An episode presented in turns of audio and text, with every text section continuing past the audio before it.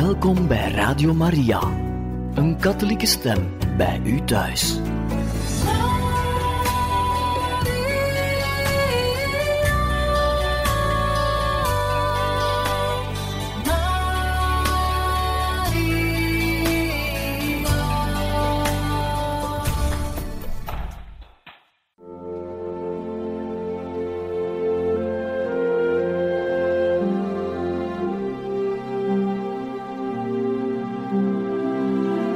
Beste luisteraars van Radio Maria, welkom bij het programma Catechismus.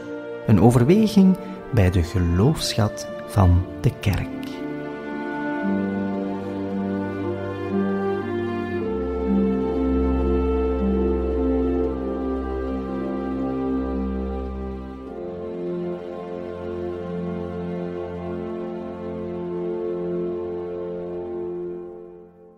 Welkom beste luisteraars in het programma Catechismus, waar u vandaag kan verder luisteren naar een catechese-reeks gebracht door Pater Gerard Denis over het zesde hoofdstuk uit het Evangelie van de heilige Johannes, over Jezus, het brood des levens. Dierbare luisteraars van Radio Maria, Eén was Jezus, de nieuwe Mozes. Twee onze armoede maakt Jezus tot overvloed.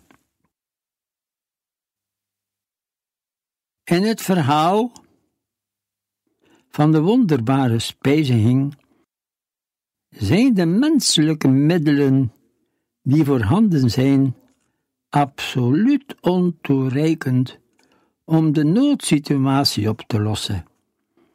Vijf broodjes en twee visjes. Wat betekent dat voor zo'n aantal? Vijfduizend mensen.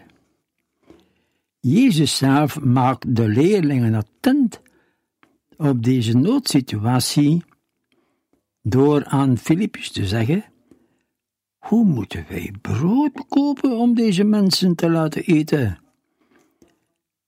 Daardoor stelt Jezus Filippus op de proef. Hij nodigt hem uit om over het menselijk onmogelijke heen te stappen en zich te verlaten op Jezus. Door deze uitnodiging onthaalt Filippus en zijn antwoord onderstreept slechts het hopeloze van de toestand. Ook de reactie van Andreas is wanhopig. Niets aan te doen. Wat betekenen die enkele broden voor zoveel mensen?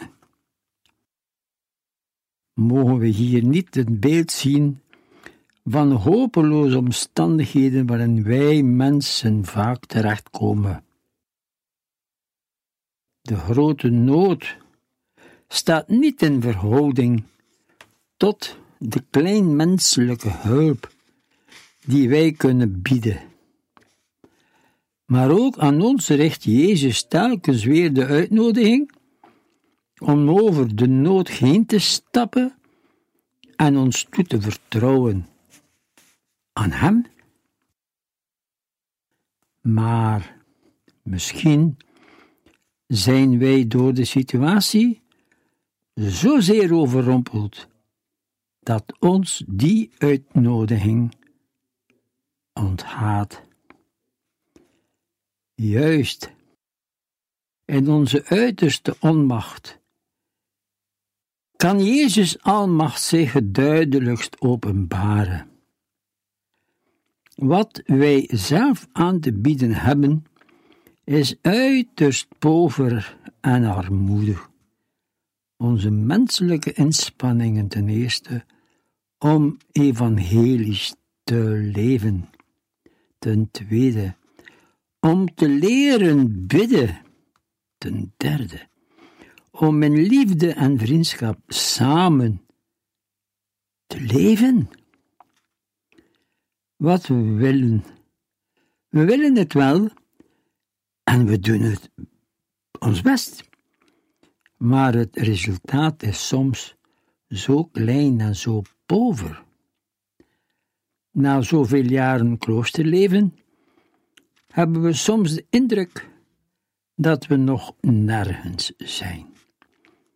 We hebben zo weinig, absoluut veel te weinig, om onze honger naar een buren bezield religieus leven te stillen. We blijven op onze honger. En waarom zouden we dat weinige dat we hebben en kunnen, en zelfs onze mislukkingen, hetgeen we verspeeld en verbrot hebben, niet aan Jezus geven? Met dat weinige kan Hij wonderen doen. Het komt erop aan dat kleine, onze armoede, te erkennen en van daaruit te durven vertrouwen op Jezus' hulp, op Zijn barmhartige liefde. Hij kan onze armoede maken tot overvloed. Dit denken aan een artikel van lang geleden al over de spiritualiteit van boven en de spiritualiteit van beneden. En dat komt hier op neer in het volgende. Gewoonlijk stelt men aan christenen die zich willen toeleggen op een innerlijk leven, die naar de volmaaktheid streven, het ideaal voor waar ze moeten naar streven. Het te bereiken ideaal. En men vertrekt van de beschrijving van dat ideaal. Men stelt het einddoel in het vooruitzicht. Zo moet je worden. Dat doel moet je bereiken. En deze middelen zijn ter uw beschikking. Zo zal men een beeld ophangen, ophangen van het religieuze gemeenschapsleven.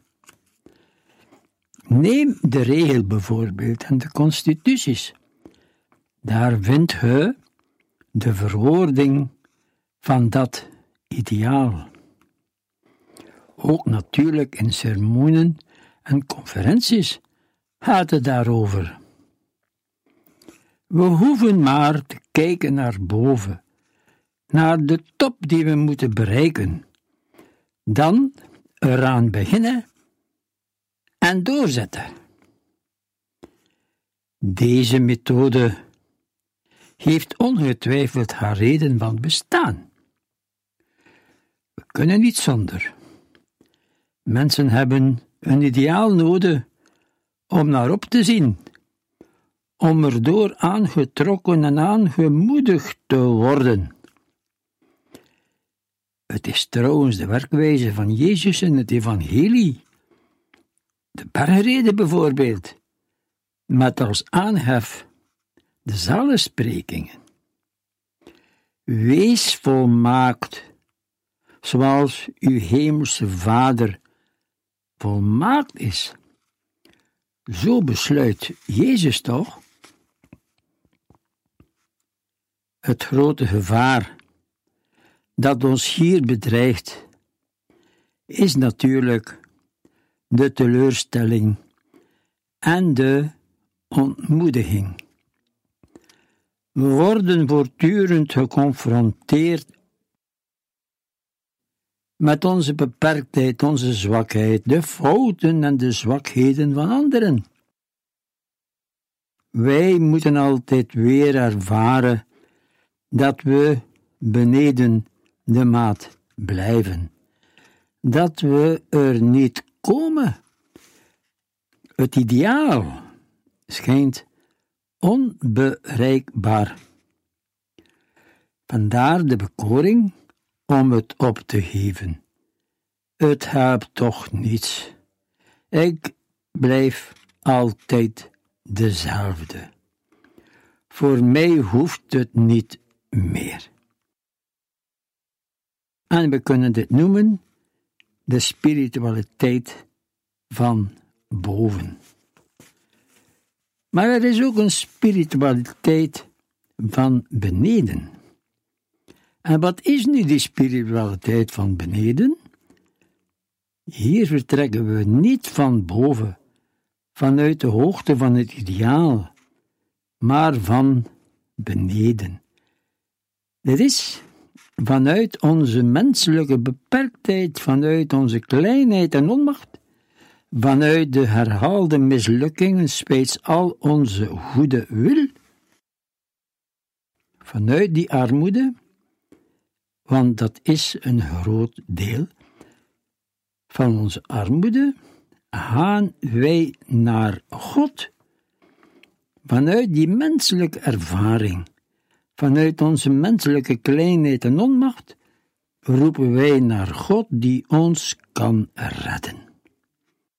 Uit diepte van ellende, Heer, roep ik tot u om hulp, en gij kunt meer redden. Wij erkennen onze armoede. Wij erkennen deze armoede, onze tekorten en zonden. En wij verdringen ze niet. En zo, zoals we ons voelen en zijn, komen we tot God. We doen een beroep op zijn hulp, want alleen komen wij er niet en nooit. Wij hebben zo weinig te bieden. Het ideaal is zo hoog en verheven. Te hoog voor onze menselijke krachten. Maar wij durven hopen dat Jezus hetzelfde, dat we Hem geven kunnen, al is het klein en onvoldoende, vijf broodjes en slechts twee visjes, dat Hij het zal aanvaarden en er wonderen mee doen, wanneer Hij wil en op de manier die Hij verkiest. Nu moeten wij niet kiezen tussen spiritualiteit van boven en de spiritualiteit van beneden. Spreek mij niet meer over de volmaaktheid, over hoe het moet met bijvoorbeeld mijn gebedsleven, het gemeenschapsleven.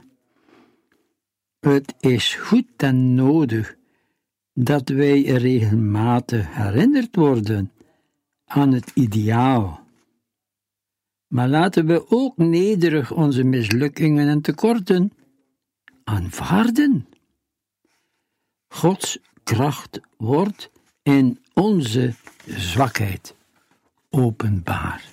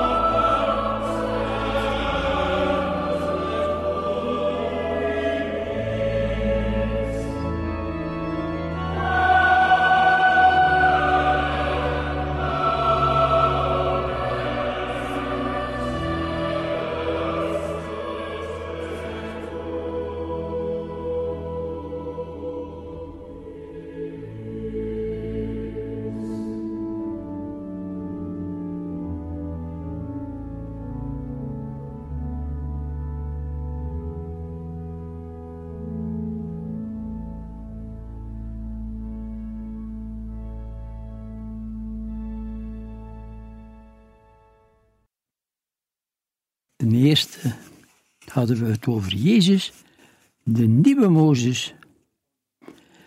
Ten tweede, onze armoede maakt Jezus tot overvloed. Ten derde, reactie van de mensen op het wonder van de broodvermenigvuldiging. Van de ene kant schijnen der mensen er niets van begrepen te hebben. Ze zien in Jezus de profeet, die door Mozes voorzegd was. Dit is stellig de profeet die in de wereld moet komen. Maar wat daarop volgt, wijst erop dat ze het eigenlijk niet begrepen hadden. Dat ze de eigenlijke betekenis van het teken niet doorhadden. Ze hadden het niet door. Dit was reeds te voorzien. Ze waren gekomen om de tekenen die Jezus aan de zieke deed. Dus, zo wat uit sensatiezucht en eigen belang. Ze verwachten geen openbaring meer. Ze verwachten geen openbaring, maar genezingen. En een aardse koning die hunzelf bestuur zou brengen. Vers 15. Niet dat de Jezus, niet dat Jezus onberoerd bleef ten aanzien van de onvrijheid van zijn volk, of gevoelloos bleef voor het leed van de mensen. Maar hij was niet gekomen om aardse onafhankelijkheid te brengen of om het lijden uit de wereld te helpen. Hij bracht een ander heil, een geheel andere redding, waarvan dit wonder, gelijk al de overige, maar een teken, een verwijzing was. Dit stemt tot nadenken en doet ons de vraag stellen: welke verwachtingen koesteren wij ten over, tegenover de Heer? Dit willen wij door deze toewijding aan de Heer in de kerk en wereld bereiken. Wat willen wij eigenlijk door onze toewijding aan de Heer in de kerk in de wereld bereiken? Waar is het ons om te doen? Welke is de uiteindelijke zin van onze dienstbaarheid aan mensen? Is ze alleen maar sociale hulp? Nauwgezette medische zorg? Alleen maar doorgeven van wetenschappelijke kennis? Met andere woorden, gaat het alleen maar om menselijke, binnen wereldse hulp, menselijke bevrijding? Dus alleen maar horizontaal? Of kunnen de mensen in onze inzet en zorg, die ongetwijfeld, degelijk en zo goed mogelijk moeten zijn, kunnen zij daarin, door wat we zijn en door de manier waarop we leven en dienstbaar zijn, ons verlangen ontdekken om de mensen bij God te brengen, nader bij Jezus, om in Hem het ware leven te vinden. Dus mensen bij God te brengen, nader bij Jezus, om in Hem het ware leven te vinden. Zijn we zelf een teken, hoe bescheiden ook dat naar Jezus verwijst?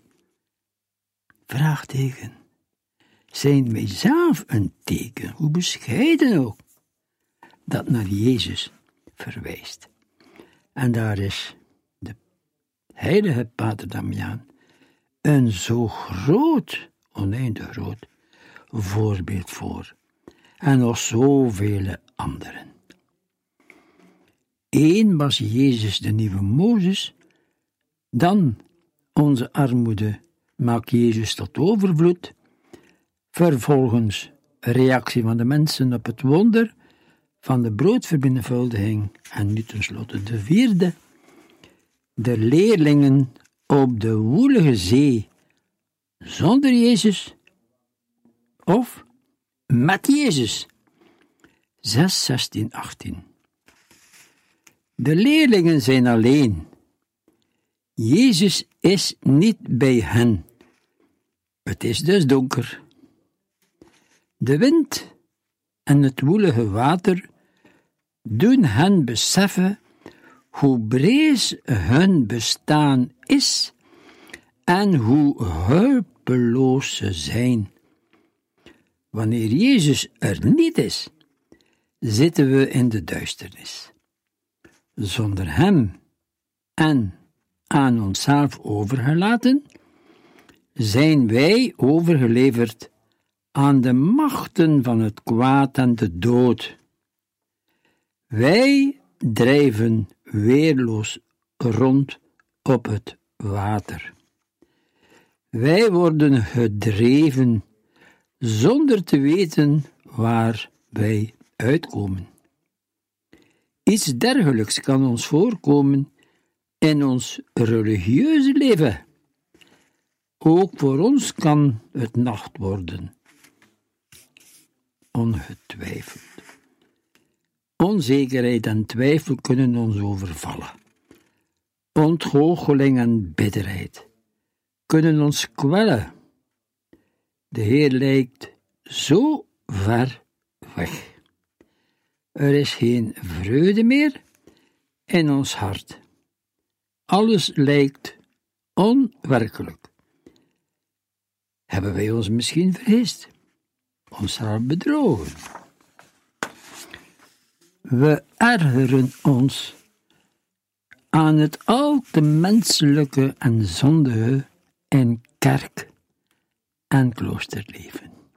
Ja, we ergeren ons zo dikwijls aan het al te menselijke en zondige in de kerk en in het kloosterleven. We voelen ons misschien eenzaam.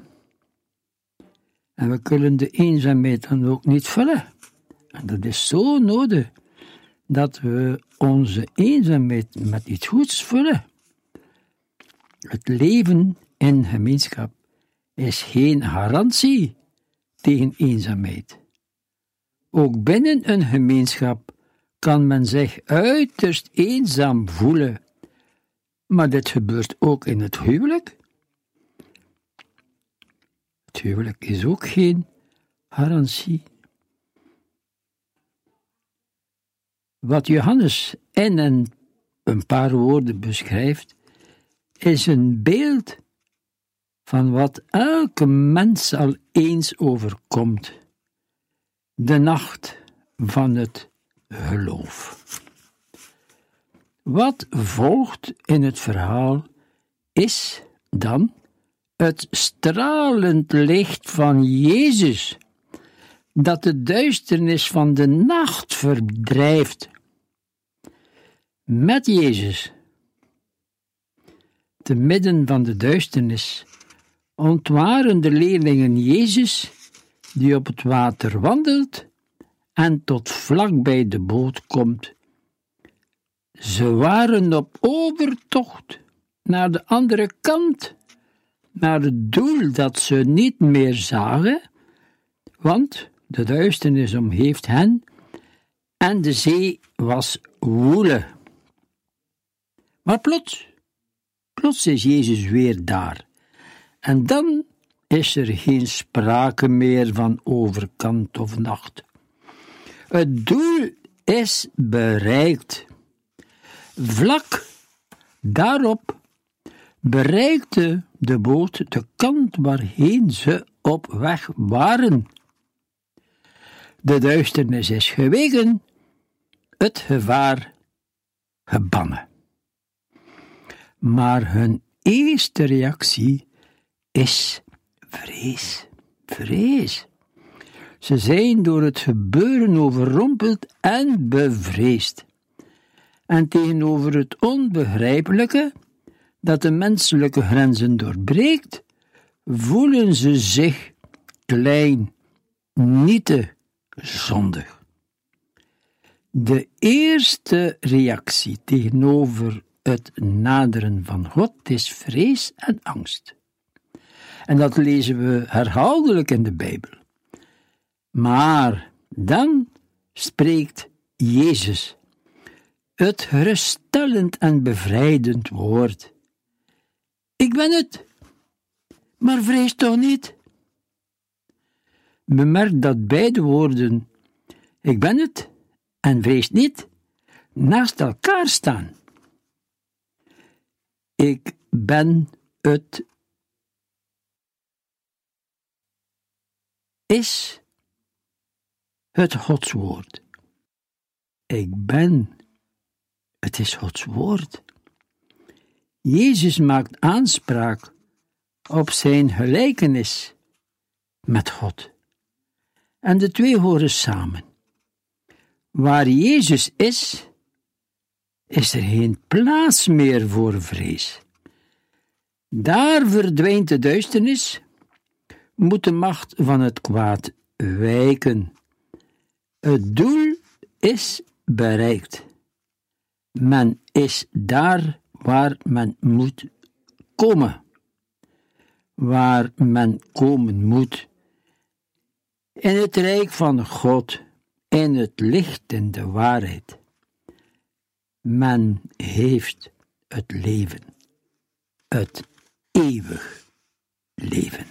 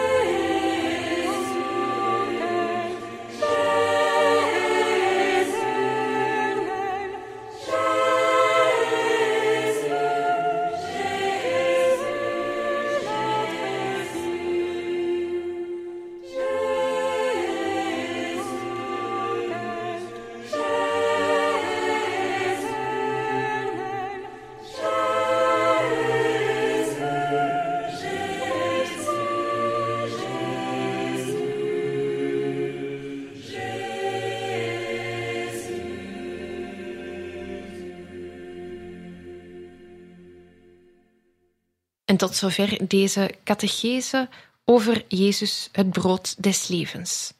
Gebracht door pater Gerard Denis. Radio Maria wenst u een mooie dag toe.